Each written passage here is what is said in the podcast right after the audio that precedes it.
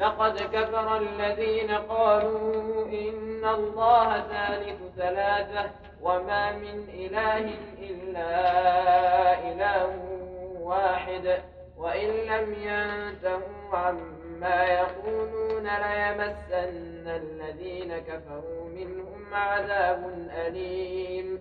أفلا يتوبون إلى الله ويستغفرونه؟ والله غفور رحيم. ما المسيح ابن مريم إلا رسول قد خلت من قبله الرسل وأمه صديقة كانا يأكلان الطعام. انظر كيف نبين لهم الآيات ثم انظر أنا يؤفكون. قل أتعبدون من دون الله ما لا يملك لكم ضرا ولا نفعا والله هو السميع العليم قل يا أهل الكتاب قل يا أهل الكتاب لا تغلوا في دينكم غير الحق ولا تتبعوا أهواء قوم قد ضلوا من قبل وأضلوا كثيرا وأضلوا كثيرا وضلوا عن سواء السبيل. أعوذ بالله من الشيطان الرجيم. قال الله تعالى لقد كفر الذين قالوا إن الله ثالث ثلاثة. وظني أن تكلمنا عن الآية. نعم. نعم طيب المناقشة لقد كفر الذين قالوا فيها تأكيد. ثلاث توكيدات. نعم. بارك الله فيك. لماذا يؤكد الله تعالى كلامه بالمؤكدات مع أنه عز وجل أصدق القائلين؟ هذا إن هذا خبر والخبر فيه احتمال يعرض من قبل الكافرين فجاء بهذا التاكيد حتى حجه على من خالف لاحتمال المعارضة والتكذيب. طيب لكن إذا قال المكذب سيكذب ولا اوكد لا لا فيه لا التوكيد جرد على أساليب العرب نعم. لأن القرآن يوصف بالعربي بلسان عربي مبين. فالأشياء المهمة يقسم الله عليها وإن كان وإن كانت ثابتة بخبره عز وجل. من هؤلاء الثلاثة ثالث ثلاثة وش هذا؟ لقد كفر الذين قالوا إن الله ثالث ثلاثة إن الله ثالث ثلاثة من من هم من هم؟ هم الثلاثة؟ إيه؟ نعم والله طيب يقولون إن الله ثالث ثلاثة في- فيقولون بتعدد الآلهة آه، بماذا أبطل الله قولهم؟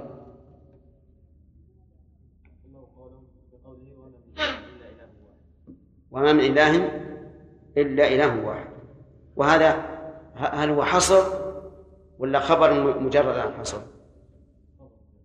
خبر مجرد عن حصر ها؟ حصر ما طريقه؟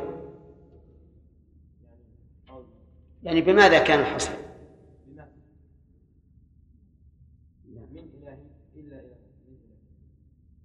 الظاهر إنك ما قرأت البلاغة. قرأتها؟ قليلا. يحيى؟ ما طريق الحصر؟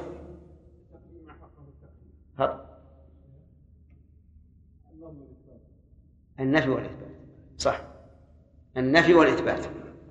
النفي والإثبات أنه ما من إله إلا الله. وهذا الحصر مؤكد بمن؟ الزائدة هل لديك علم في البلاغة أن جميع الحروف الزائدة مؤكدة؟ نعم. صحيح. كل الحروف الزائدة تعتبر مؤكدة. قال الله تبارك وتعالى وإن لم ينتهوا عما يقولون ليمسن الذين كفروا منهم عذاب أليم. الإعراب أول. وإن لم ينتهوا ليمسن إن شرطية لا إشكال فيها مسلطة على فعل مضارع منفي. ولا يمسن هو جواب إيش؟ جواب الشرط مشكل. إذا قلنا إنه جواب شرط فهو مشكل. لأن جواب الشرط لا يأتي بهذه الصيغة. لكنه جواب قسم. جواب قسم مقدر مع لامه أيضا. والتقدير ولئن لم ينتهوا عما يقولون ليمسن الذين كفروا منهم عذاب أليم. لأن كلمة ليمسن لا تصح أن تكون جوابا للشر. لوجود اللام الموضح للقسم ووجود التوكيد في ليمسن. وقوله الذين كفروا منهم عذاب أليم. هل هذا يتنافى مع قول لقد كفر ثم يقول ليمسن الذين كفروا منهم. لا. لأن المعنى ليمسن الذين استمروا على كفر منهم عذاب أليم. وأما من تاب فيتوب الله عليه. يقول الله عز وجل وإن لم ينتهوا عما يقولون أي من تعدد الآلهة وأن الله تعالى ثالث ثلاثة ليمسن أي ليصيبن الذين كفروا منهم أي الذين استمروا على الكفر. لأنهم كافرون. وقوله آه، الذين كفروا منهم عذاب أليم عذاب فاعل يمس وأليم بمعنى مؤلم. وهو مؤلم يعني عذاب الكافرين مؤلم نفسيا وجسديا. أما نفسيا فإنهم يوبخون. التوبيخ المهين. حتى إنه يقال للواحد منهم تهكما ذق إنك أنت العزيز الكريم. وهذا لا شك أنه أعظم إهانة يعذب ويصب من فوق رأسه الحميم ثم يقال ذق إنك أنت العزيز الكريم. هذه إهانة عذاب عظيم. ويقول الله لهم اخسأوا فيها ولا تكلموا. هذا عذاب يقطع القلوب. أما العذاب الجسدي فلا تسأل. إذا استغاثوا واشتد طلبهم للماء يغاثون يغاثون بماء كالمهل يشوي. قبل أن يقع في الأمعاء. فإذا وقع في الأمعاء قطع أمعاءهم. نسأل الله العافية. إذن فهو مؤلم. كلما نضجت جلودهم بدلناهم جلودا غيرها ليذوقوا العذاب. لأن الجلد إذا نضج ما ما يحس. لكنهم يبدلون جلودا أخرى ليذوقوا العذاب. إن الله كان عزيزا حكيما. إذا فهو أليم ألم قلب وأمل وألم جسد. في هذه الآية فوائد. منها أن من قال بتعدد الآلهة فإنه كافر لأنه مكذب للسمع والعقل والفطرة. مكذب للسمع. الأدلة لا تحصى في إثبات توحيد الله. أليس كذلك؟ لا تحصى. مكذب للعقل لأنه لو تعددت الآلهة ما استقامت الدنيا. لو كان فيهما آلهة من الله لفسدت. ما اتخذ الله من ولد وما كان معه من إله إذن لذهب كل إله بما خلق ولا على بعضهم على بعض. ولا يمكن أن تستقيم الحال مع تعدد المسؤولية. الآن فكر بها في نفسك. لو كنتم في سفر وكان المسؤول عن عن الجماعة متعددين هل يستقيم الأمر؟ لا إلى أين نذهب؟ إلى فلان أو فلان أو فلان ثم هل فلان سيت... هل فلان الفلانيون هل ستتحد كلمتهم؟ لا هذا دليل عقل إذا لذهب كل إله بما خلق ولا على بعضهم على بعض ولا بد والآن الكون كله منسجم لا يتصادم ولا يتناقض مما يدل على أن مدبره واحد سبحانه وتعالى. نقول هذا عن يقين. ما هو لي- ليس لأننا عشنا في بلد التوحيد لكن لأننا تيقن. رحمك الله. أنه لا يمكن أن تتعدد الآلهة الفطرة كل إنسان مولود على الفطرة. كل إنسان. كما قال عز وجل وأقم وجهك فأقم وجهك للدين حنيفا إيش؟ فطرة الله التي فطر الناس عليها. لا تبديل لخلق الله. فتعدد الآلهة باطل بالسمع والعقل والفطرة. من فوائد هذه الآية الكريمة إثبات أنه لا إله إلا الله. لقوله وما من إله إلا الله. فإن قال قائل أليست توجد آلهة سوى الله بتسمية الله لها؟ قال الله تعالى فما أغنت عنه آلهتهم التي يدعون من دون الله من شيء. وقال الله لنبيه صلى الله عليه وعلى آله وسلم فلا تجعل مع الله إلها آخر.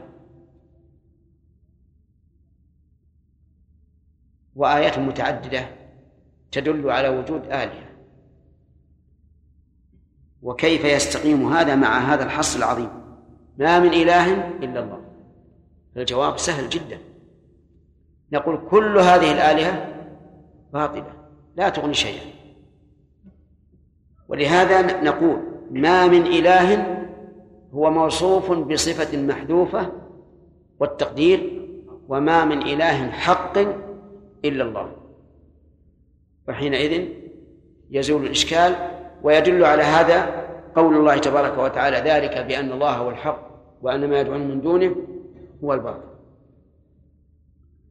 ومن فوائد هذه الآية الكريمة فتح باب التوبة لكل من أساء وإن عظمت إساءته. لقوله ولئن لم ينتهوا إلى آخره. فالله تعالى حكى عنهم الكفر ومع ذلك عرض عليهم. أن ينتهوا عما يقولون. فيستفاد منه كرم الله عز وجل وجوده وإحسانه وأنه يعرض على أعدائه أن ينتهوا عما وصفوه به حتى لا يصيبهم العذاب العذاب الأليم.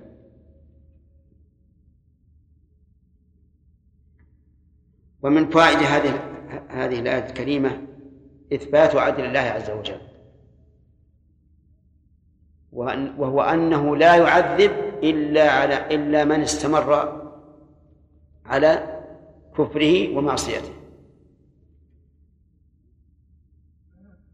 و ومن فوائد هذه الآية الكريمة التحذير البليغ عن الاستمرار على الكفر والشرك. وأن من استمر عليه فله العذاب الأليم. ثم قال الله عز وجل أفلا يتوبون إلى الله ويستغفرونه الاستفهام هنا ليس استفهام استخبار أو استعلام لأن الله يعلم. لكن قيل إنه للعرض وقيل إنه للتوبيخ. فمن العلماء من من قال إن الاستفهام للتوبيخ أي أن الله يوبخهم على عدم التوبة والاستغفار. ومنهم من قال إن الله يعرض عليهم فهو عرض. كما تقول للشخص ألا تزورنا؟ ألا تزورنا. والأليق بكرم الله عز وجل وجوده أن تكون للعرض. أن تكون للعرض أي أن الله عرض عليهم التوبة. فحينئذ نقول الاستفهام للعرض. طيب فيه من في الإعراب أفلا يتوبون؟ معروف أن الهمزة لها الصدارة. وهنا جاءت الفاء العاطفة. فكيف يستقيم الكلام؟ لأن جاءت إذا جاءت الفاء العاطفة فهذا يعني أن الجملة التي بعدها ليش؟ معطوفة على ما قبلها وهذا إشكال فيه إشكال لأن الاستفهام له الصدارة فاختلف النحويون في هذا منهم من قال إن همزة الاستفهام داخلة على جملة والفاء عاطفة على تلك الجملة التي هي مدخول الهمزة. وحينئذ تكون يكون الاستفهام له إيش؟ له الصدارة. طيب ماذا بماذا نقدر هذه الجملة؟ يقول باعتبار السياق. انظر المناسب المناسب للسياق وقدره. وكل سياق له ما ما يناسبه. فمثلا أفلا يتوبون إلى الله؟ كيف نقدر؟ نعم؟ لا. استكبروا فلا يتوبون إلى الله على القول بأنها إيش؟ للتوبيخ. لكن على القول بأنها بأنها للعرض.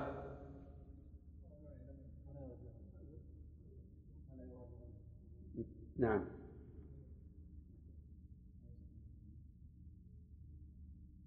كل يستمرون لا يطمعون هذا كله تدعى التوبيخ. لكن العرض يقدر فعل يدل على جود الله وكرمه وكرمه.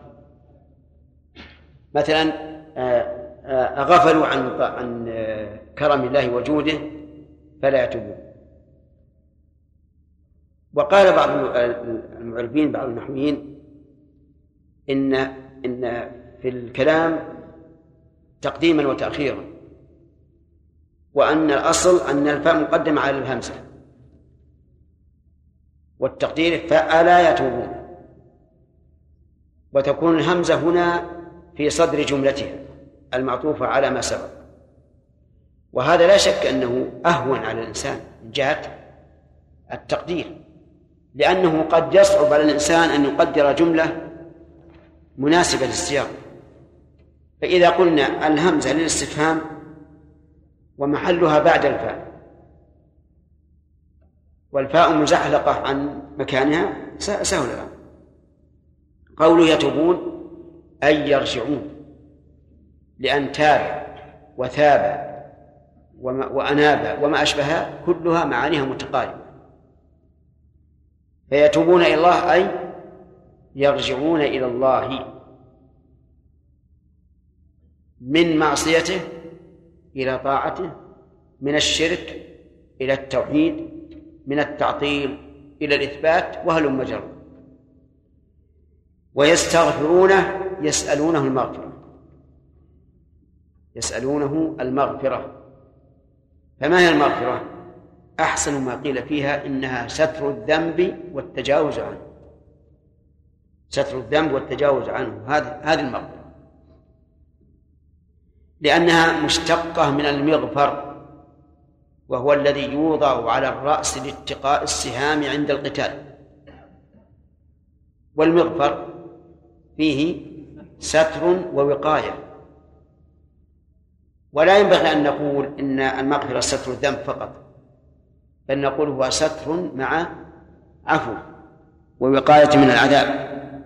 وربما نعم ويؤيد هذا الاشتقاق أنه مشتق من المغ وربما يؤيد ما ثبت في الحديث الصحيح أن الله عز وجل يخلو بعبده المؤمن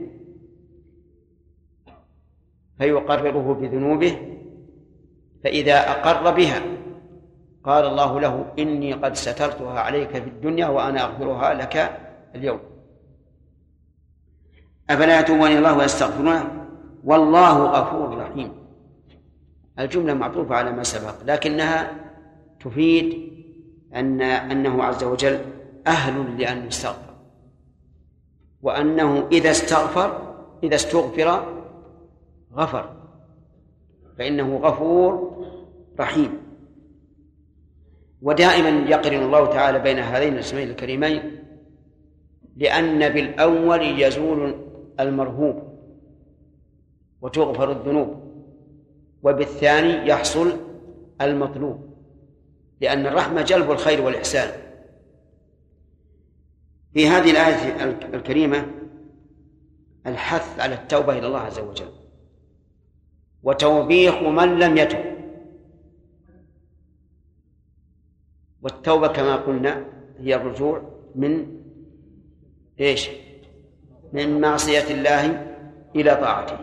والمعصية لها أنواع. ذكر العلماء رحمهم الله أن التوبة لها شروط وهي خمسة الإخلاص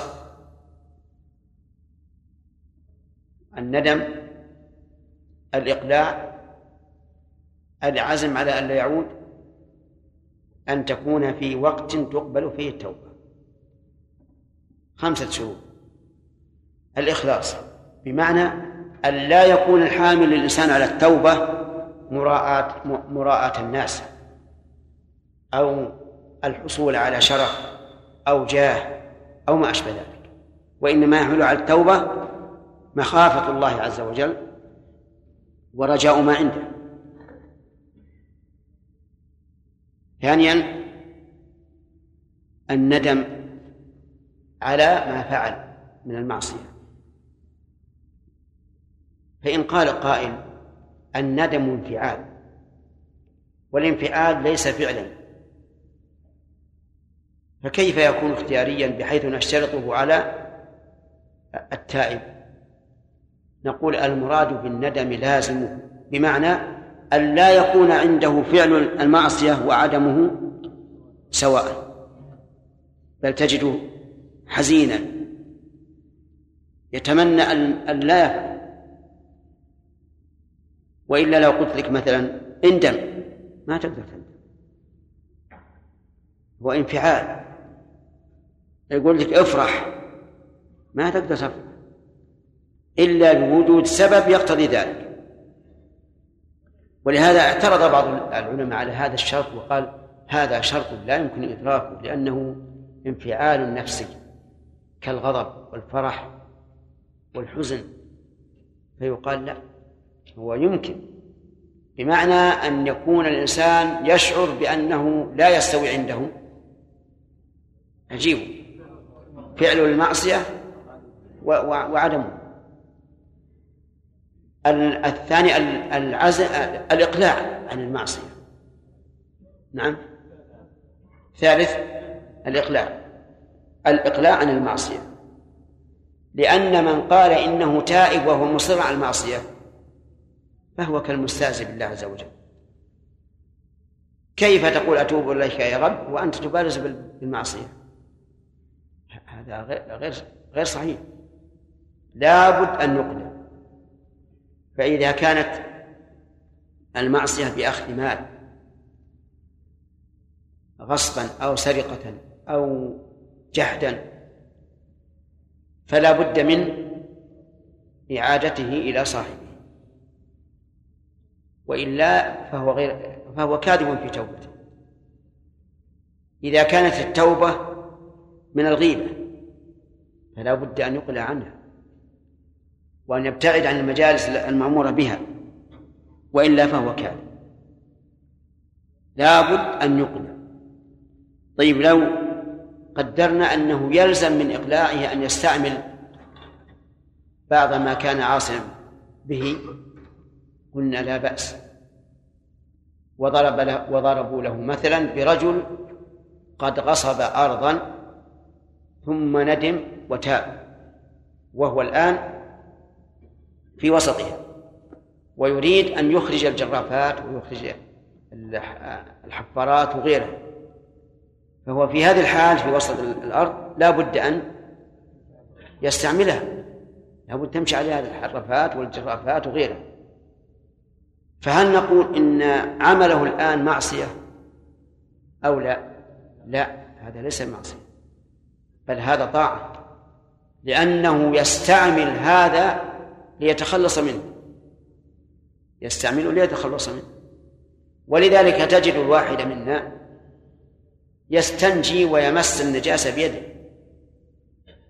ولا نقول إنك آثم ولا إنك فاعل مكروها بل نقول إنه مأجور ومثاب على ذلك مع أنه يباشر النجاسة بيده لكن ليش؟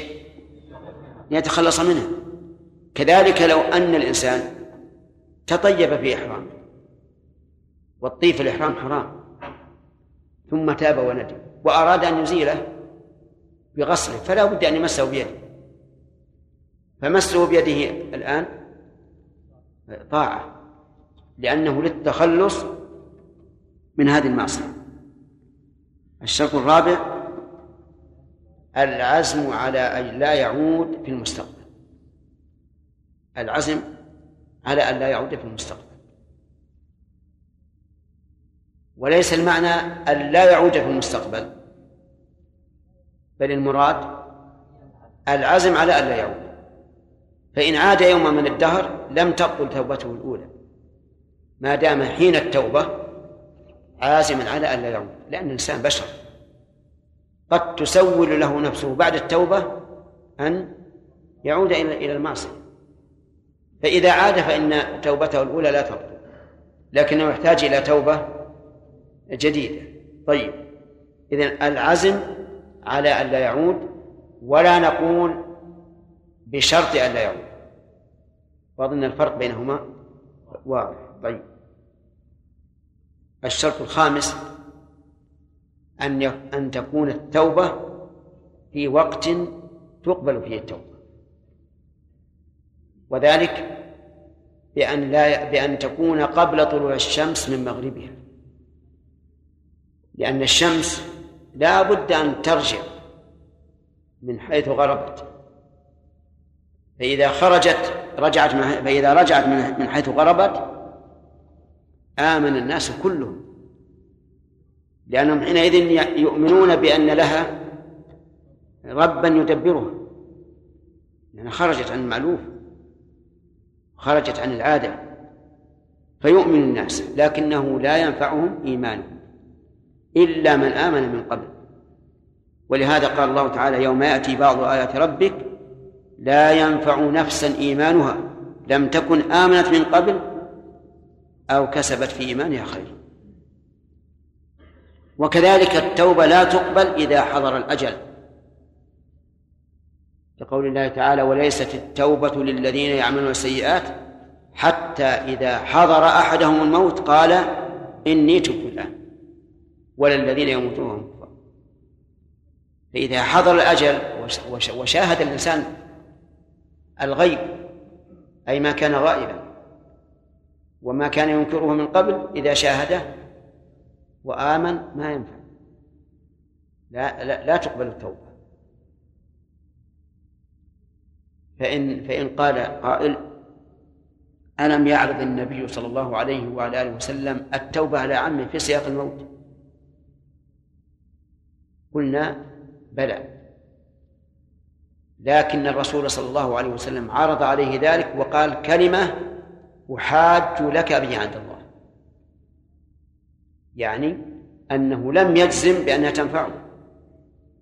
بل قال أحاج لك والمحاجة قد تنفع وقد وقد لا تنفع. فإن قال قائل هل تصح التوبة من ذنب مع الإصرار على غيره؟ فالجواب في هذا خلاف بين العلماء. فمنهم من قال لا تصح التوبة من ذنب مع مع الإصرار على غيره. لأن التوبة هي الرجوع إلى الله. وهذا رجع رجوعا موزعا. فلا ينفع.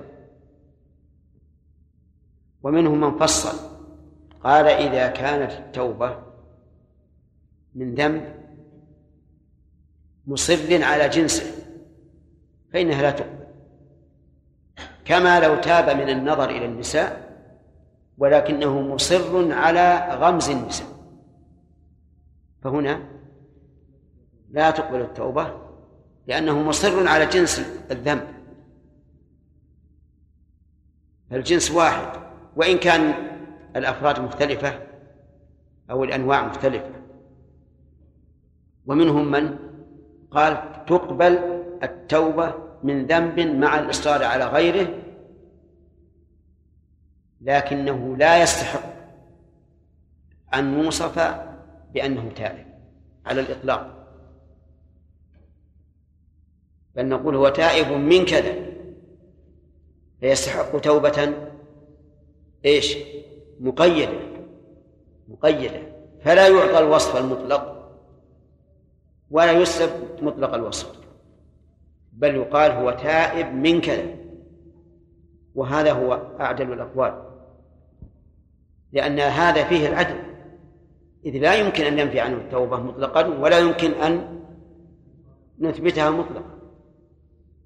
نقول هذا تائب لكنه لم ينجو من العذاب لأنه مصر على معصية أخرى فسيعاقب عليها. ومن فوائد الآية الكريمة عرض الله تبارك وتعالى على هؤلاء الكافرين أن يستغفروه أن يطلبوا المغفرة.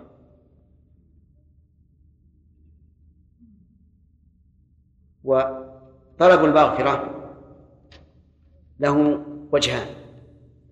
الوجه الأول أن يسأل الله المغفرة بالصيغة فيقول أستغفر الله. اللهم اغفر لي وما أشبه ذلك. الوجه الثاني أن يفعل ما يكون سببا لمغفرة الذنوب. فمن فعل شيئا هو سبب لمغفرة الذنوب فقد استغفر. مثال ذلك من قال سبحان الله وبحمده مئة مرة غفرت خطاياه. وإن كانت مثل زبد البحر. هذا الرجل ما قال اللهم اغفر لي خطاياي ولكنه فعل ما يكون سببا للمغفرة. وعلى هذا فالاستغفار له جهتان. الجهة الأولى أن أن يسأل الله المغفرة بصيغة المغفرة. اللهم اغفر لي أستغفر الله وما أشبه ذلك. ثاني أو الجهة الثانية أن يفعل السبب الذي تكون به المغفرة وهو أنواع متعددة. فمثلا إذا توضأ الإنسان فأسبغ الوضوء ثم صلى ركعتين لا يحدث فيهما نفسه إيش؟ غفر له ما تقدم من ذنبه. الجمعة الجمعة كفارة لما بينهما وأمثلة كثيرة. نعم من قال إن التوبة من التقصير ليست أقل من التوبة من الذنب نعم. يعني ما ليست يعني ليست أقل من عدم الوجوب يعني؟ التقصير إذا كان تقصيرا في واجب فنعم يجب أن يتوب منه. وإن كان تقصير تقصيرا في غير الواجب فلا تجب التوبة لأن غير الواجب الإنسان في في حل منه.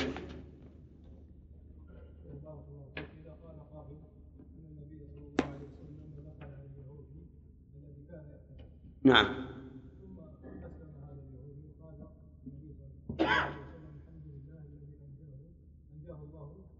بي من النار نعم توجيهنا لهذا أنه الرجل هذا ما ما حضره الموت. لكنه مريض وقريب من الموت ولذلك جعل ينظر إلى أبيه كأنه يستشير نعم. إيش؟ السؤال الثاني.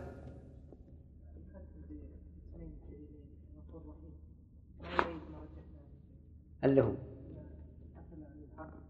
نعم. أيد أيد ختمت الآية بهذا ويؤيد أيضا أن الله تعالى يحب التوابين يحب المستغفرين. نعم. يلا محمد علي نور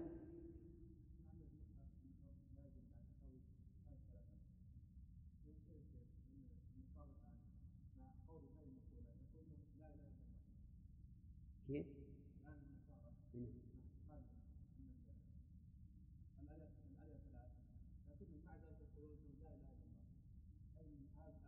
هم بارك الله فيك طوائف هي طائفة الآن في سورة التوبة يجيكم طائف اللي يقول المسيح الله واللي يقول هذا الثلاثة والذي الآن نعلم منهم أن غالبهم يقولون إن الله سبحانه وتعالى متعدد في الاسم فقط ومتحد في الذات. يقول ثلاث ثلاث أقانيم. الأب والابن والروح القدس. لكن الله يحكي عن طوائف متعددة. إيش؟ نعم.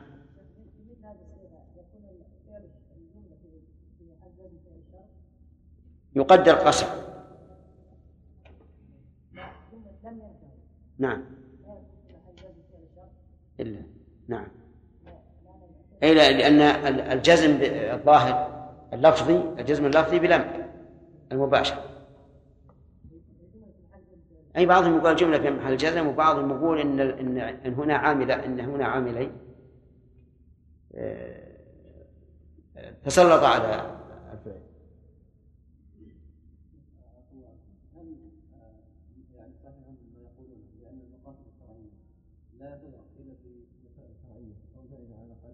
إيش؟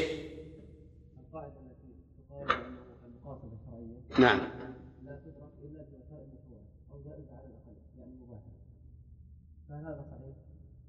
كيف المقاصد المقاصد الشرعية؟ يعني إذا كان الإنسان مقصدا شرعيا نعم. فلا يجوز له أن يدركه مهما عظم هذا المقصد نعم لا يجوز له أن يدركه بوسائل المنع وإن كان منعها فيه مفسدة يسيرة قد تنغمر في مصلحته هات المثال ما يمكن تحكم على قاعدة نعم. يعني مثلا كون الإنسان إذا أراد أن يهدي إنسانا عندما ارشاد آه، يعني ما يتاتى له ذلك إلا إذا فعل معصية يسيرة. وهدايته يحصل بها نفع عظيم جدا ككونه راسا ككونه مثلا يجلس معه في في مكان فيه معاصي رجاء استجلابه إلى الإسلام. وإذا أسلم حصل له خير كثير. فهل يجلس معه في المعصية في أثناء هذا والله لا أرى أن الوسائل الوسائل المحرمة ما لا تكون سبيلا للارشاد ابدا. الوسائل المحرمة لا تكون سبيل الإرشاد. فلو مثلا قلنا هذا الرجل ما يمكن يهتدي إلا إذا جبت الموسيقى تضربها له. ما نضربها له. ندعوه إن اهتدى فلنفسه وإلا فعليه مهما صار مهما صار. نعم.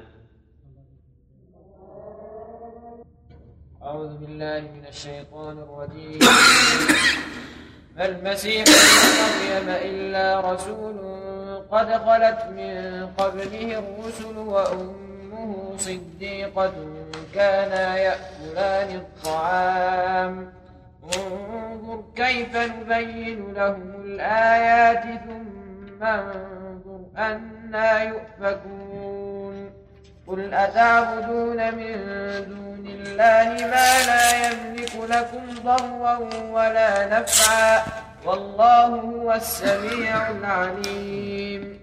قل يا أهل الكتاب لا تغلوا في دينكم غير الحق ولا تتبعوا أهواء قوم قد ضلوا من قبل وأضلوا كثيرا وأضلوا كثيرا وضلوا عن سواء السبيل.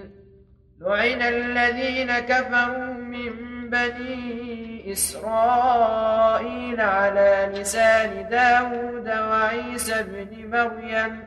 ذلك بما عصوا وكانوا يعتدون. كانوا لا يتناهون عن منكر فعلوه لبئس ما كانوا يفعلون. ترى كثير.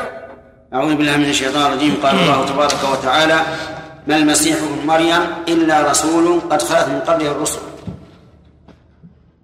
في الإعراب ما المسيح ابن مريم إلا رسول.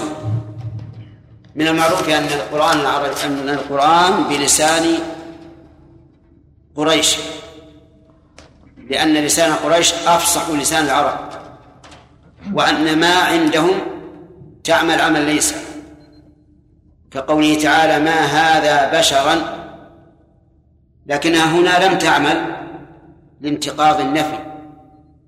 ما المسيح ابن مريم إلا رسول. وإذا انتقض النفي أهملت ولم تعمل عمل ليس. فإذا قلت ما محمد قائما فهذا صحيح. ما محمد إلا قائم. صحيح. ما محمد إلا قائما. غلط. لأنه إذا انتقض النفي وجب إهمالها. يقول الله عز وجل ما المسيح ابن مريم إلا رسول قد خلت من قبله الرسل.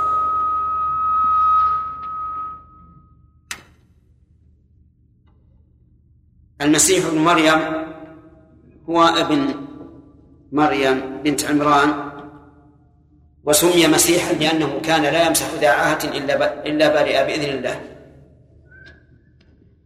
وأما المسيح الدجال فإنه يسمى مسيحا لأنه ممسوح العين.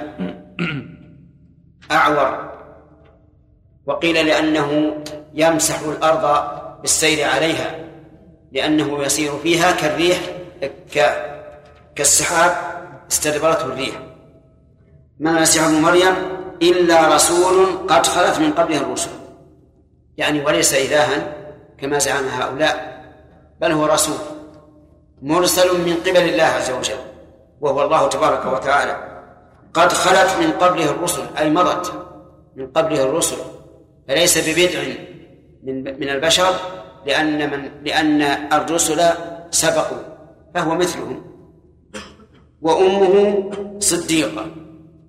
يعني أمه من الصديقات.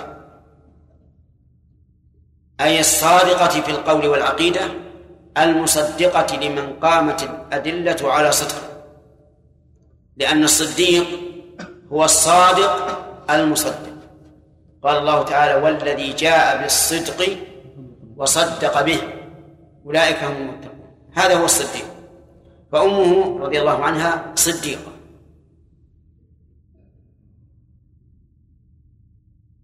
وهي من النساء الكمل التي قال فيها النبي صلى الله عليه وسلم كمل من الرجال كثير ولم يكمل من النساء إلا أربع وذكر منهن مريم بنت عمران.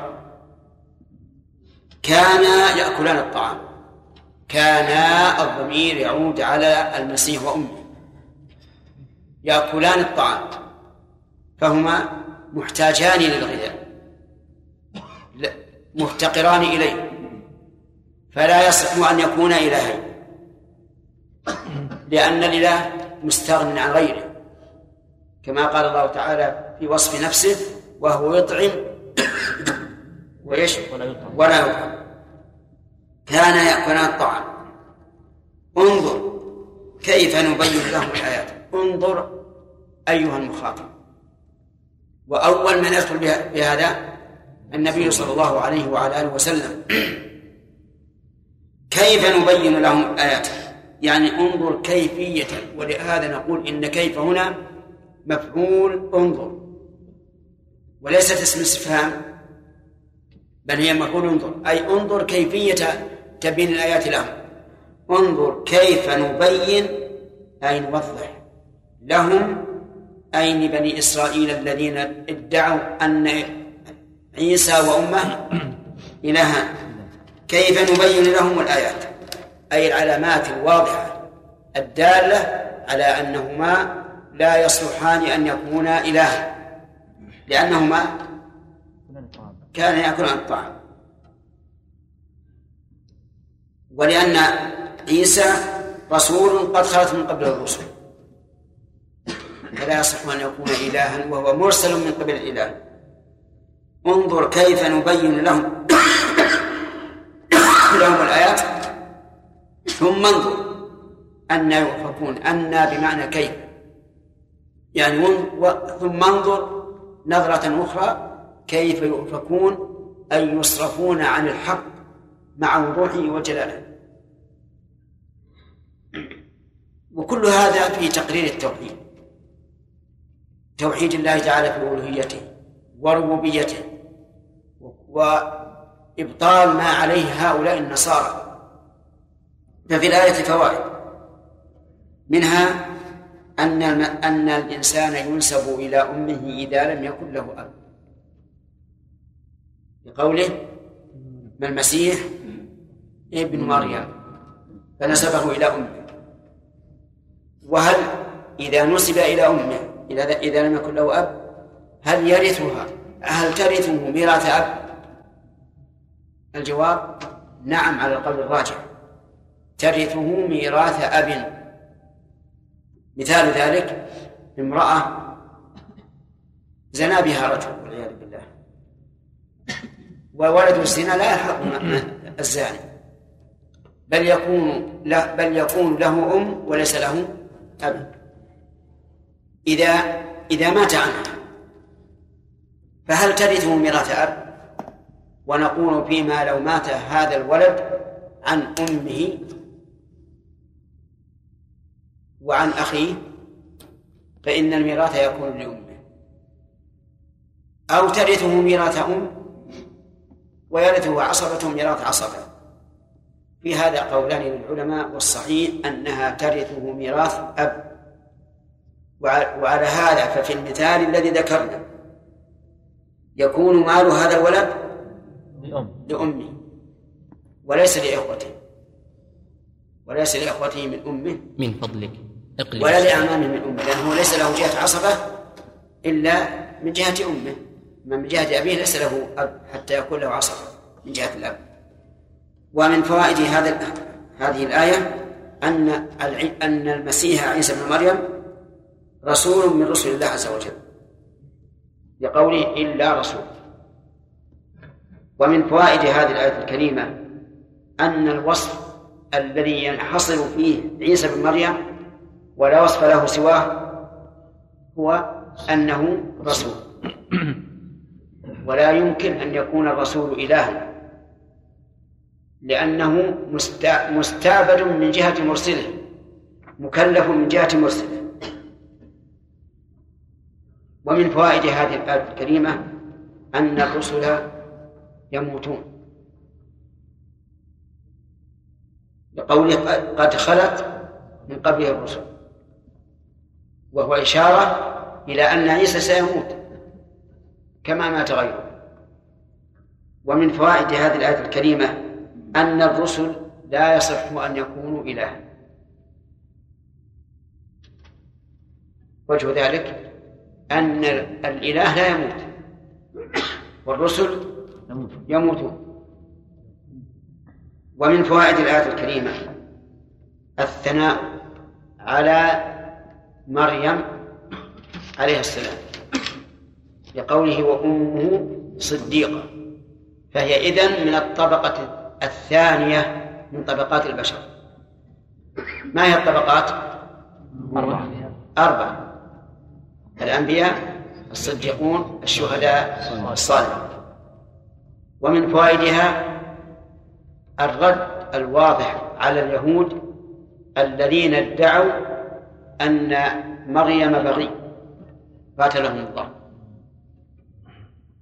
لأن البغي لا يمكن أن تكون صديقة. فإن البغي البغي بأن البغاء من كبائر الذنوب. ومن فوائد هذه الآية الكريمة الاستدلال بحال من يتحدث عنه على ما لا يمكن أن يتصف به مع وجود هذا الحال وهو قوله كان يأكلان الطعام. فهذا استدلال بحالهما على أنه لا يصح أن يكون إلهي. ومن فوائد الآية الكريمة بيان أن الإله وهو الله عز وجل لا يحتاج إلى الطعام. بقوله كان يأكلان الطعام.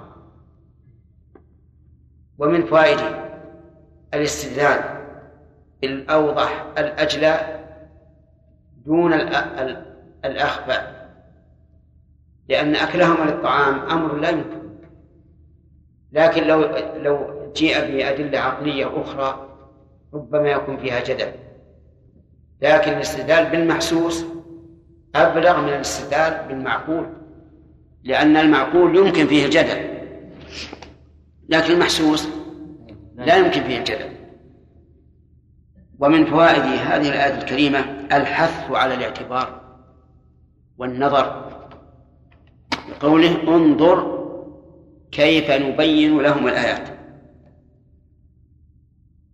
والأمر بالنظر جاء في عدة مواضع من القرآن الكريم وجاء بخاص بخصوص وعموم.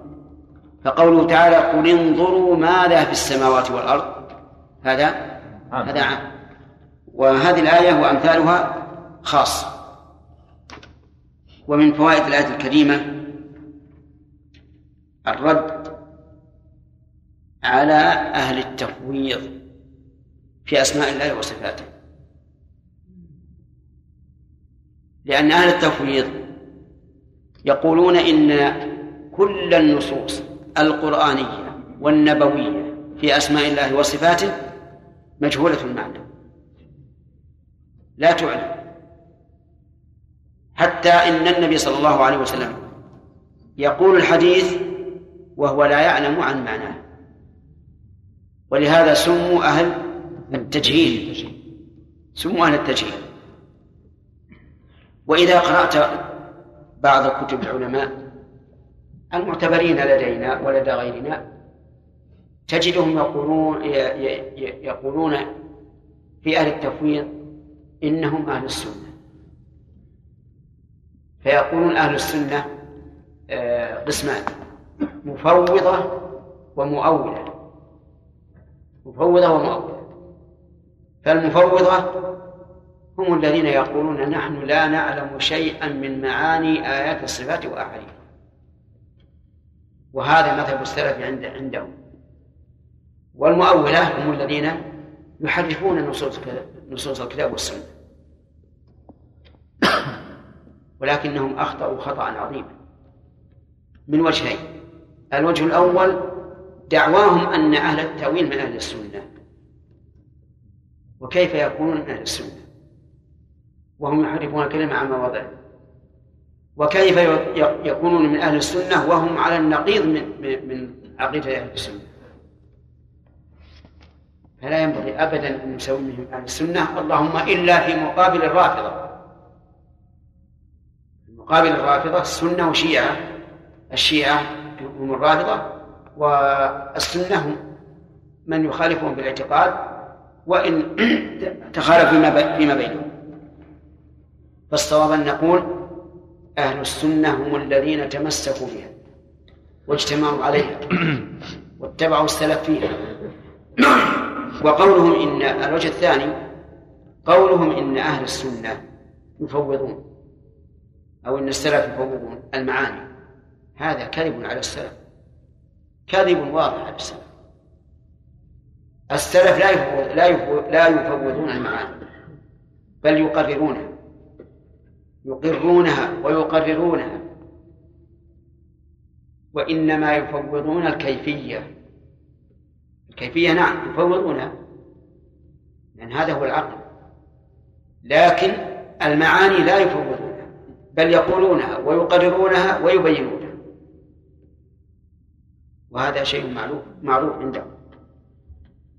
لو سألت أي واحد من السلف أو أي واحد من أتباع السلف ما معنى قول الله تعالى الرحمن على العرش استوى فقال معناه إيش؟ على على.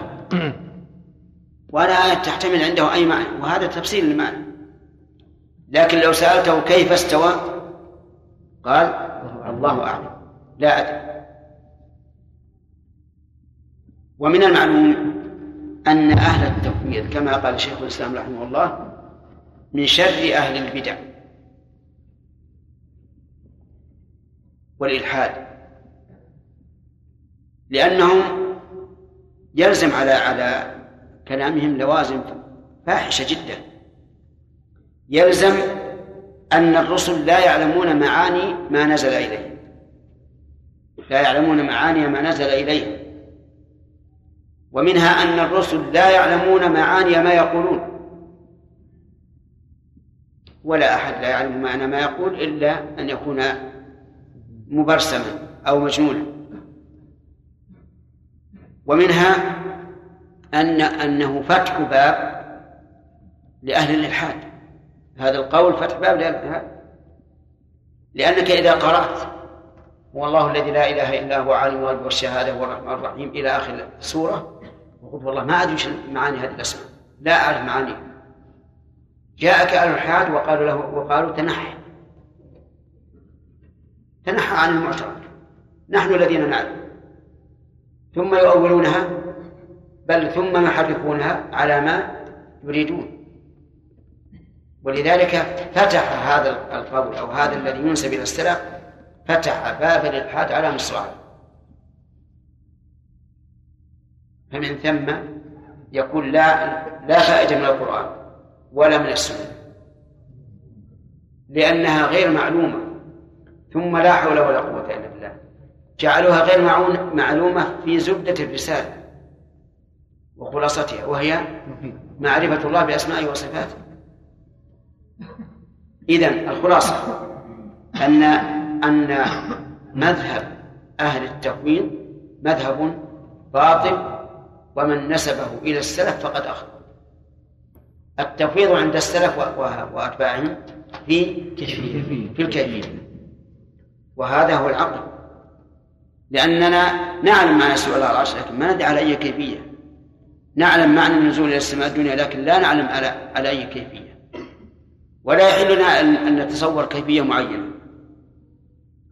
ومن فوائد هذه الآية الكريمة أن ما بينه الله عز وجل في كتبه المنزلة على الرسل كله آيات.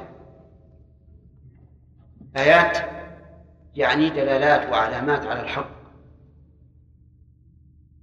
سواء القرآن أو التوراة أو الإنجيل. ومن فوائد هذه الآية الكريمة العجب من هؤلاء الذين بينت لهم الآيات ثم صرفوا عن الحق والعياذ ولهذا ثم انظر أن يؤفكون ومن فوائد من فوائد الآية أن هؤلاء أفكوا عن الحق بعد أن تبين.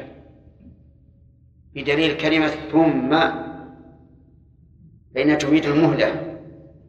يعني بعد أن يتبين لك الآيات وتتبين لهم أيضا. يؤفكون عن الحق ويصرفون عنه.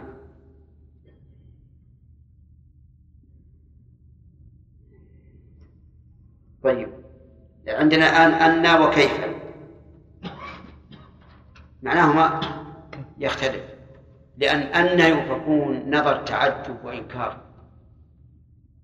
وأما أنظر كيف نبين الآيات فهو نظر تدبر وإقرار. ثم قال تعالى قل أتعبدون من دون الله ما لا يملك لكم ضرا ولا نفعا؟ والله هو السميع العليم. قل أي يا محمد. أو قل أيها المخاطب الموحد. لمن؟ لكل من يعبد من دون الله. أحدا؟ قل له. أتعبدون؟ من دون الله ما لا يملك لكم ضرا ولا نفعا. وقول من دون الله أي من سواه. ما لا يملك لكم ضرا ولا نفعا. يعني لا يملك أن يدفع الضر عنكم ولا أن يجلب لكم النفع. وقيل المعنى ما لا يملك لكم ضرا لو عصيتموه. ولا نفعا لو أطعتموه. فعلى التفسير الأول يكون في الآية حذف. ما هو الحذف؟ ما لا يملك لكم دفع الضر.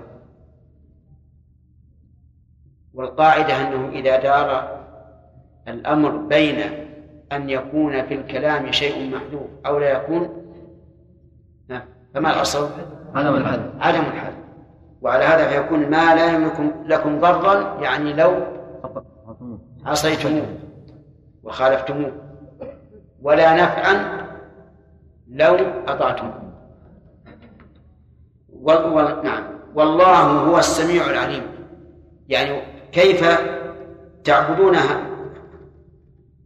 من لا يملك لكم ما لا يملك لكم ضرا ولا نفعا وتدعون من هو السميع العليم. وهو الله عز وجل.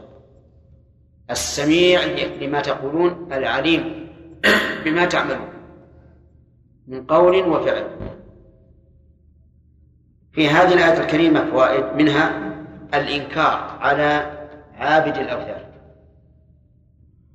لأن الاستفهام في قولها تعبدون للإنكار. ومن فوائدها أن الأصنام لا تملك نفعا.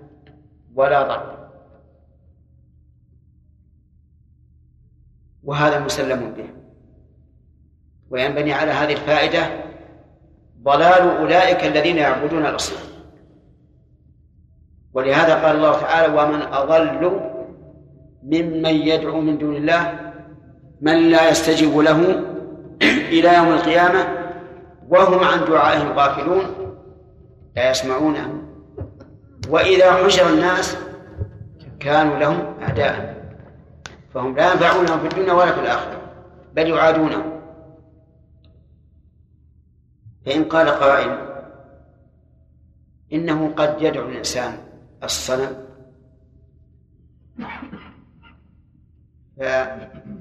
في كشف الضر فيكشف الضر أو في جلب نفع فيأتي النفع. والقرآن صريح بأن جميع الأصنام لا تنفع ولا تضر. فالجواب أن هذا من الابتلاء. وأنه يحصل عند دعائها لا بدعائها.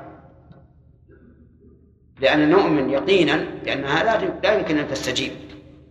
إلى يوم القيامة لو دعيت إلى يوم القيامة ما استجابت. لكن قد يفتن الله العباد. بحصول الشيء إيش؟ عند الدعاء لا بالدعاء.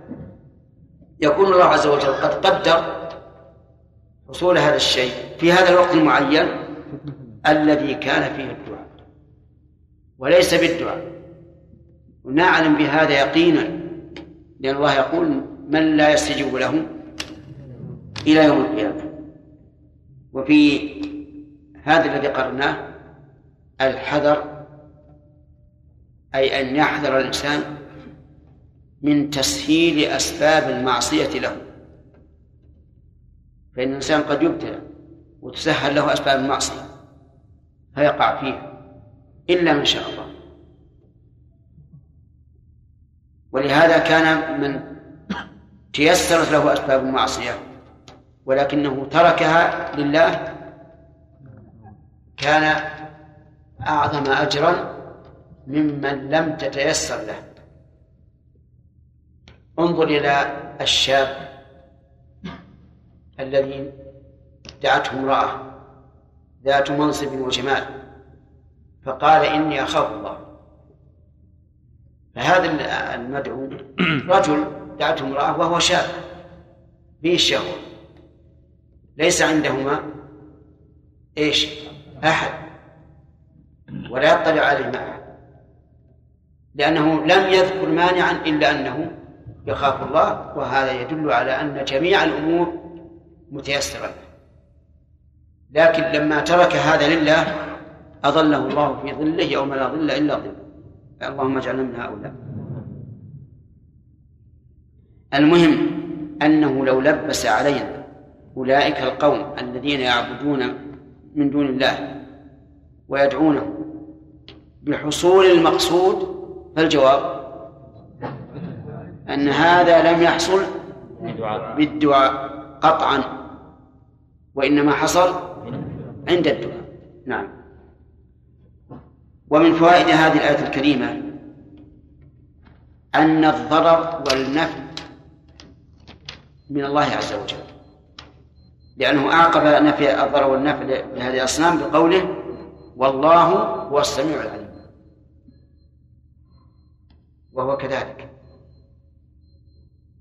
قال النبي صلى الله عليه وعلى آله وسلم لعبد الله بن عباس رضي الله عنهما واعلم أن الأمة لو اجتمعوا على أن ينفعوك بشيء لم ينفعوك إلا بشيء قد كتبه الله لك.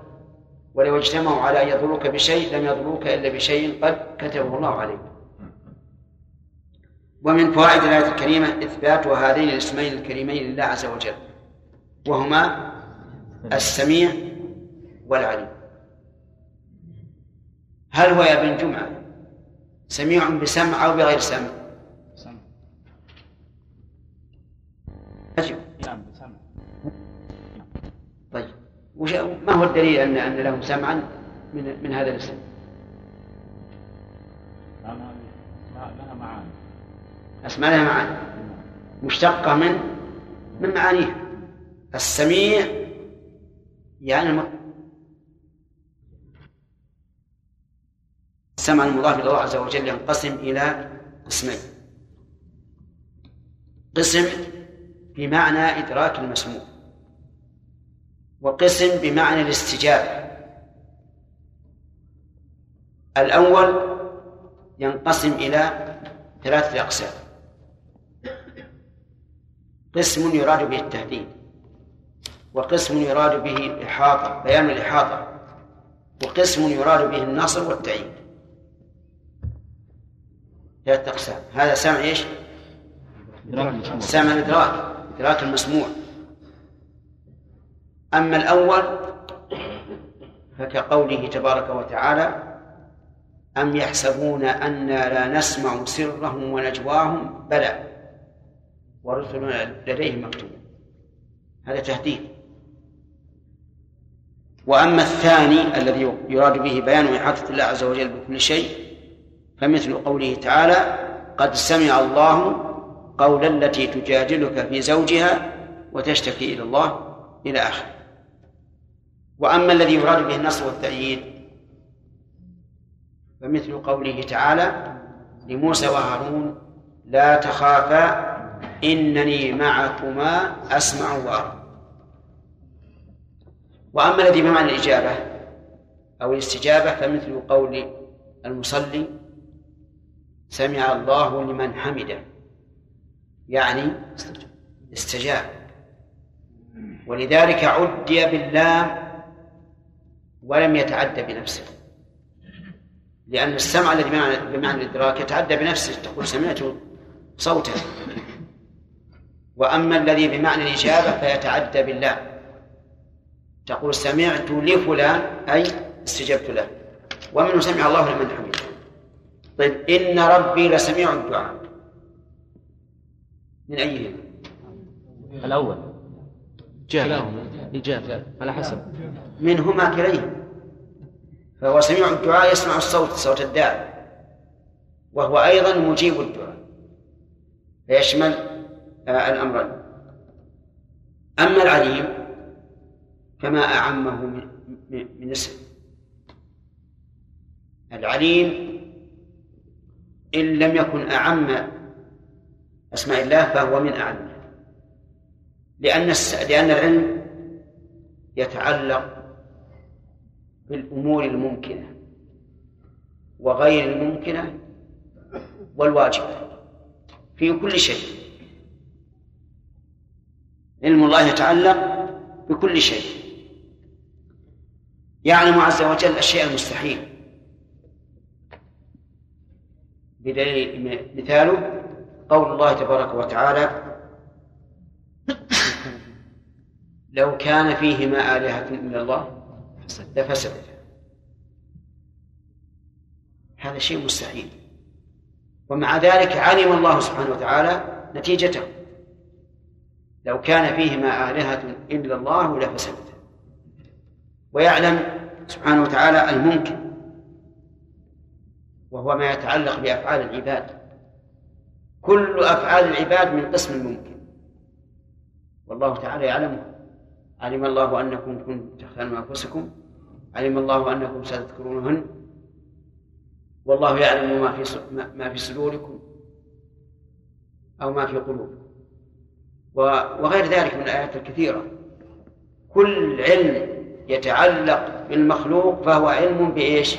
بالممكن. بممكن. لأن المخلوق ممكن. من قسم الممكن. إذ لو كان مستحيلا ما وجد ولو كان واجبا ما عدم ويعلم ويعلم جل وعلا ما يتعلق بالواجب. يعلم الواجب. وهو علمه تبارك وتعالى عن نفسه. فعلمه عن نفسه علم بالواجب. ولهذا قال العلماء إن العلم هو أعم صفات الله عز وجل. أعم صفات الله عز وجل هو العلم. وهل يتعلق بمشيئته أو هو صفة لازمة لازم صفة لازمة هو صفة لازمة ولهذا لما قال السفارين رحمه الله والعلم والكلام قد تعلق بكل شيء يا خليلي فاسمع. نعم. قد تعلق بكل شيء آه، نسيت بقية البيت.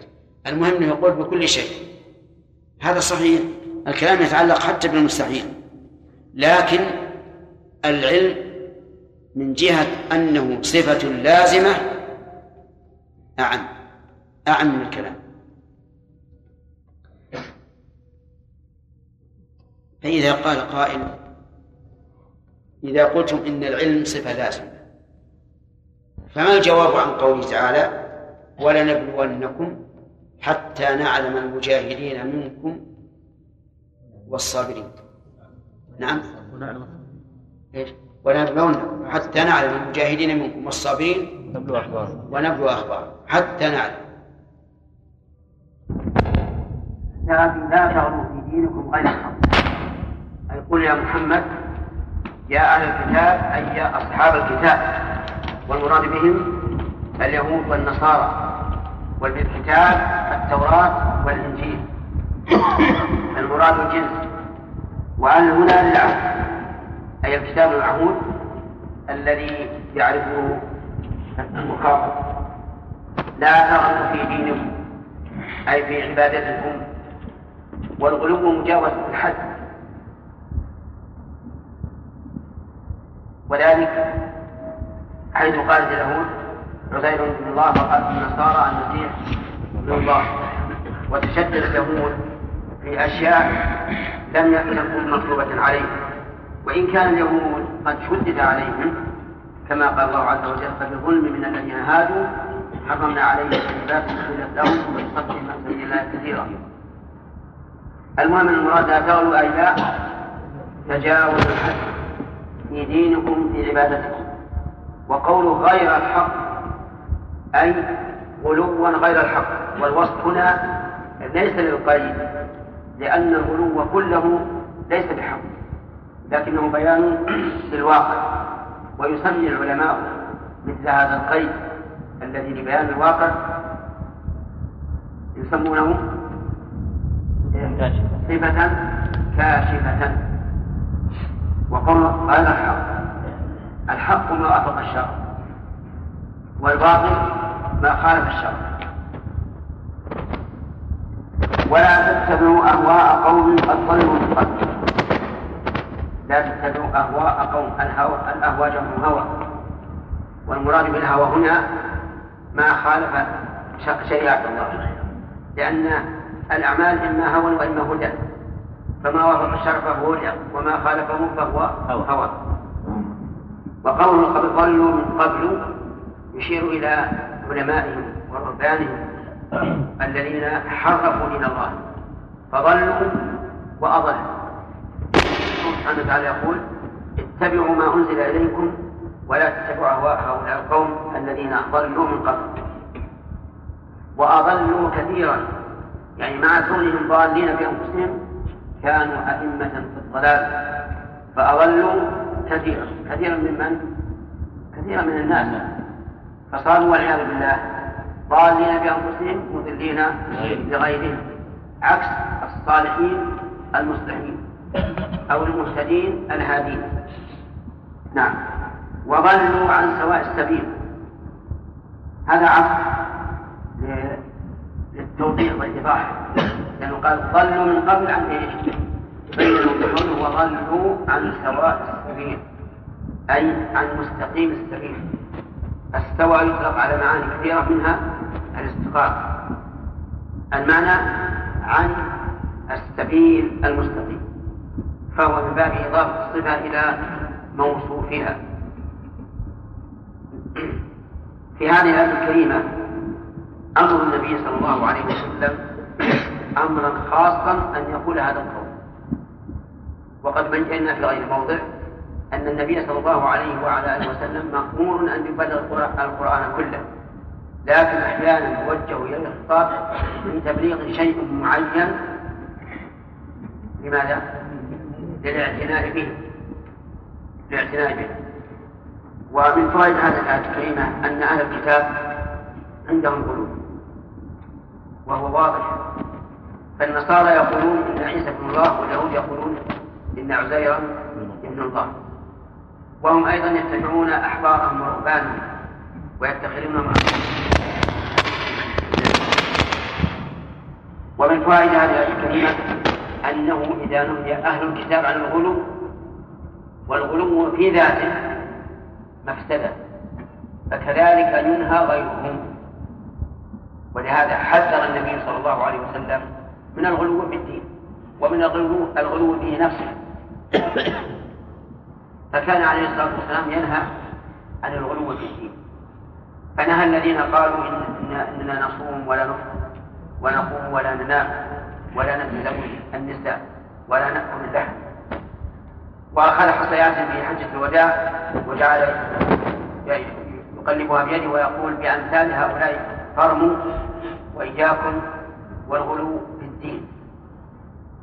وسمى الذين أرادوا المواصلة في الصوم سماهم المتعمدين تحذيرا من فعله ودعا على المتنطعين في دينهم ثلاث مرات فقال هلك المتنطعون. والغالب أن الغالب الغالب أنه ينحرف نسأل الله العافية. لأن الغلو خلاف الفطرة. فيكون غلو هذا ظاهريا فقط. ويكون قلبه خاليا من حقيقة الإيمان. ولهذا أخبر النبي صلى الله عليه وسلم أن الخوارج يحضر الصحابي صلاته عند صلاتهم وقراءته عند قراءتهم ولكن إيمانهم إيش؟ لا يتجاوز حناجرهم والعياذ بالله. الغالب أن الغالب هكذا. تجده آه، قلبه يجول مع الناس وأفعال الناس وينتقدهم ويعترض عليهم لكن لكنه خال من معرفة الله حق المعرفة ومن الرجوع إليه والإنابة إليه. فاحذر هذا. احذر هذا أيها كن مستقيما بين الغلو والتغيير ومن فوائد هذه الآية الكريمة أن الغلو خلاف الحق. بقوله غير الحق ومن فوائد الآية الكريمة النهي عن اتباع أهواء الضالين. بقول ولا تتبعوا أهواء قوم قد ضلوا. ومن فوائده أن الذي يحمل الإنسان على الضلال هو الهوى. وإلا لو كان الإنسان يقول بالعدل ويحكم بالقسط ما ضل عن الصراط المستقيم. لكن يغلبه هواه حتى يضل. ولهذا قال أهواء قوم قد ضلوا ثم بين ضلالهم عن سواء السبيل. ومن فوائد هذه الآية الكريمة التحذير من الإمامة من الإمامة في الضلال لقوله قد ضلوا من قبل وإيش؟ وأضلوا عن سواء السبيل. ومن فوائد الآية الكريمة الرد على الجبرية الذين قالوا إن فعل الإنسان لا ينسب إليه وأنه مجبور عليه ولا اختيار له فيه لأن الآية صريحة بأنهم ضلوا وأضلوا. ومن فوائد الآية الكريمة إثبات الأسباب. إثبات الأسباب كقوله وأضلوا فإن هذا الإضلال ليس عن عن قوة وإجبار وإكراه لكنه عن سبب يزينون به الباطل حتى يضل به الأقوى ومن فوائد الآية الكريمة أن أن هؤلاء المضلين الضالين جمعوا بين سوءين. الأول إيش؟ ضلالهم بأنفسهم والثاني إضلال غيرهم وهل يمكن أن أن يقتصر الإنسان على واحدة كضلال نفسه فقط؟ لا. نعم. لا يمكن. يمكن أن يكون ضالا ولا يدعو لضلال لكنه إذا كان إماما في قومه صار ضلاله دعوة بالفعل. دعوة بالفعل لأنه سوف يتأسى به ويقتدى وهل يمكن أن يكون مضلا وهو غير ضال؟ لا لا يمكن. لا يمكن. لأن إضلاله يعتبر ضلال. ضلالا. هو ربما يكون قائما بما أوجب الله عليه من أفعاله الخاصة لكن إذا كان يضل فهذا ضلال. إذا يمكن أن يكون ضالا غير أن يكون الإنسان ضالا غير مضل ولا يمكن أن يكون مضلا غير مضلا غير ضال. لأن نقول مجرد كونه آه، يضل الناس هذا هذا ضلال. ومن فوائد هذه الآية الكريمة أن الدين الصحيح أن الدين الصحيح وسط بين الغالي فيه والجافي عنه. كقول عن سواء السبيل. أي عن عن قيم السبيل ووسط السبيل العدل الذي ليس فيه غلو ولا ولا تفريط ثم قال عز وجل لعن الذين كفروا من بني إسرائيل. على لسان داوود مريم ذلك بما عصوا وكانوا يعتدون لعن مبني المجهول أو من شئت فقل مبني لما لم يسمى فاعله وهذا هو الأدق. الأدق ان يقال مبني لما لم يسمى فاعله. لأنك لو قلت مبني المجهول لأشكل علينا قول الله تعالى وخلق الإنسان ضعيفا. فإن هنا فاء غير لكنه معلوم ولا غير معلوم؟ معلوم. معلوم. إذا التعبير بقولنا فعل ماضي أو مضارع مبني لما لم يسمى فاعله أولى من مبني المجهول فمن الذي لعنه؟ إذا كان هنا مبني مبني لما لم يسمى فاعله فمن الذي لعنه؟ الله والملائكة والناس أجمعين. لأن كل من يعصي الله فإن أولياء الله يلعنون بل إن الناس حتى غير أولياء الله يلعنونه كما قال عز وجل في أهل النار كلما دخلت أمة لعنت أختها لعن الذين كفروا من بني إسرائيل. والذين كفروا هم الذين لم يثبتوا على الدين الذي كلفوا به. فمثلا آه بنو إسرائيل قبل بعثة عيسى دينهم هو دين موسى. فإذا خالفوه فقد كفروا. والنصارى بعد بعد بعثة عيسى وقبل بعثة محمد صلى الله عليه وسلم. دينهم. دينهم النصرانية فمن خالفها فهو كافر. قال على لسان داود وعيسى بن مريم. لعنوا على يعني أن داود عليه الصلاة والسلام وعيسى بن مريم دعوا عليهم باللعنة. دعوا عليهم باللعنة. فقال اللهم لعنهم وقوله على لسان دا- داود وعيسى بن مريم. داود من أنبياء الله لا شك. لكنه أعطي ملك آه، أعطي آه، النبوة وشيئا من الملك. ولكن الملك الأتم لابنه سليمان. داود وعيسى بن مريم ذلك المشار إليه اللعن. الذي دل عليه الفعل لعن. وهنا عاد الضمير على ما اشتق منه الفعل. أي ذلك اللعن بما عصوا. وقوله بما عصوا الباء هنا للسببية وما مصدرية أي بعصيانهم. والمعصية خلاف الطاعة والطاعة موافقة الآمر. لاجتناب ما نهى عنه وفعل ما أمر به. وكانوا يعتدون. قول وكانوا يعتدون معطوفة على عصر أي على صلة الموصول أي بعصيانهم واعتدائهم. اعتدائهم على من؟ اعتدوا على الخالق عز وجل فقالوا في حقه ما لا يليق به واعتدوا أيضا على المخلوق فقتل بعضهم بعضا. وقوله وكانوا يعتدون. لو قال قائل أليس الاعتداء من من المعصية؟ فالجواب بلى. ومن المعصية لكن قد يخص بعض الأفراد بالذكر لأهميته والعناية به أو لكونه أشد وأقبح. ثم بين ذلك العدوان والمعصية قال كانوا لا يتناهون عن منكر فعلوه. لا يتناهون أي لا ينهى بعضهم بعضا لأن المفاعلة تدل على الاشتراك من الجانبين والنهي هو طلب الكف على وجه الاستعلاء. هذا هو النهي طلب الكف على وجه الاستعلاء.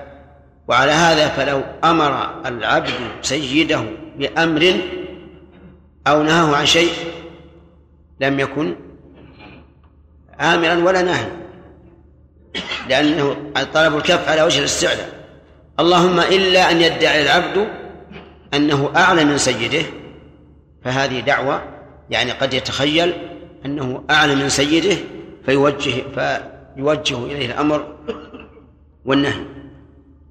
وقوله عن منكر المنكر هو ما أنكره الشرع.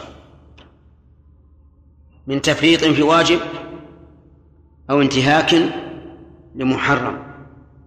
هذا هو المنكر. وهل المرجع فيه إلى العرف أو إلى الشرع؟ سام إلى الشرع. لأن لأن الناس قد ينكرون ما ليس بمنكر. وقد يقرون ما ما هو منكر. فالمرجع إذن إلى الشريعة. لا إلى عرف الناس. وقوله عن منكر فعلوه.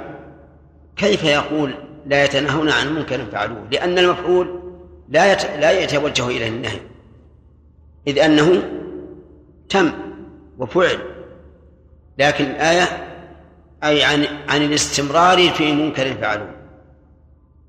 لأن المنكر الذي فعل لا يمكن أن يرد عليه النهي. إذا إذا قام الإنسان هل أقول لا تقم؟ لا. إن قلت لا تقم فالمعنى لا تستمر في القيام. إذا عن منكر فعلوه أي عن الاستمرار في منكر فعلوه.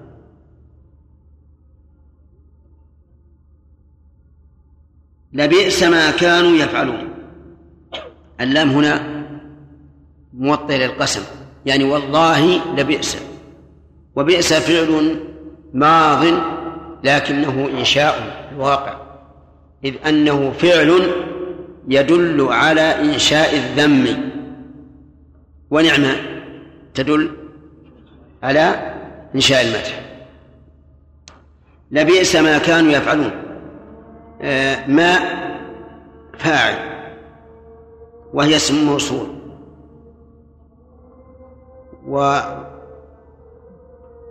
وكانوا صلة الموصول. أين أين العائد على الموصول؟ محذوف والتقدير. لبئس ما كانوا يفعلونه. الله أعلم. الله أكبر كانوا لا يتناهون عن منكر فعلوه. لبئس ما كانوا يفعلون. ترى كثيرا منهم يتولون الذين كفروا. لبئس ما قدمت لهم أنفسهم. أن سخط الله عليهم وفي العذاب هم خالدون. أعوذ بالله من الشيطان الرجيم. قال الله تبارك وتعالى لعن الذين كفروا من بني إسرائيل على لسان داود وعيسى بن مريم. ذلك بما عصوا وكانوا يعتدون. كانوا لا يتناهون عن منكر فعلوه. لبئس ما كانوا يفعلون. تكلمنا على هذا. نعم. الفوائد. أخذنا إلى والله هو السميع العليم. ها؟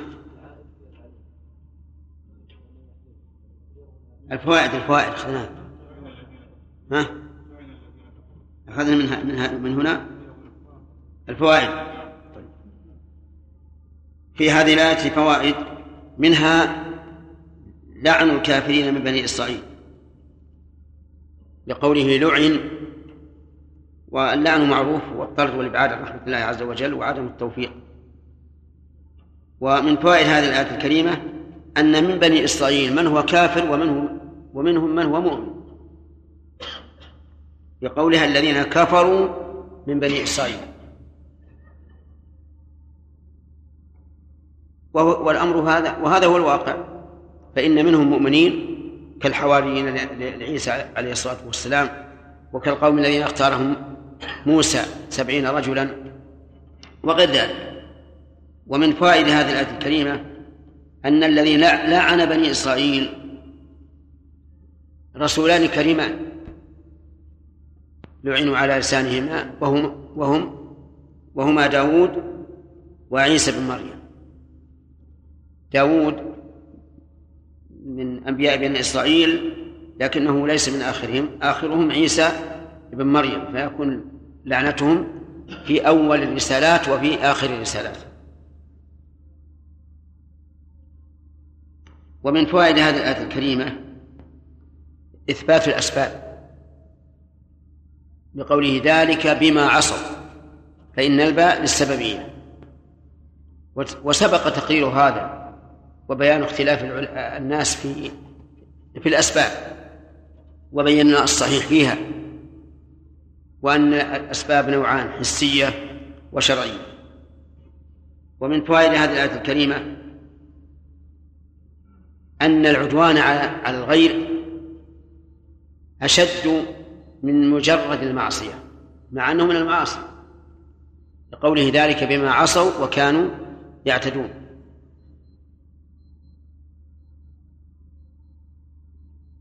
ومن فوائد هذه الآية الكريمة أن الله سبحانه وتعالى لا يظلم الناس شيئا وأنه لا يعاقب أحدا بعقوبة إلا بذنب لقوله ذلك بما عصوا. ومن فوائد الآية التي بعدها إحجام بني إسرائيل عن النهي عن المنكر لقوله كانوا لا يتناهون عن منكر فعلوه. ومن فوائدها أن ترك التناهي عن المنكر سبب للعنة الله وطرده وإبعاده والعياذ بالله. واعلم أن الأمر بالمعروف والنهي عن المنكر يحتاج إلى شروط. الشرط الأول العلم لأن هذا معروف يؤمر به وهذا منكر ينهى عنه. فلا يجوز الأمر بما لا يعلم أنه مأمور به ولا النهي عما لا يعلم أنه منهي عنه.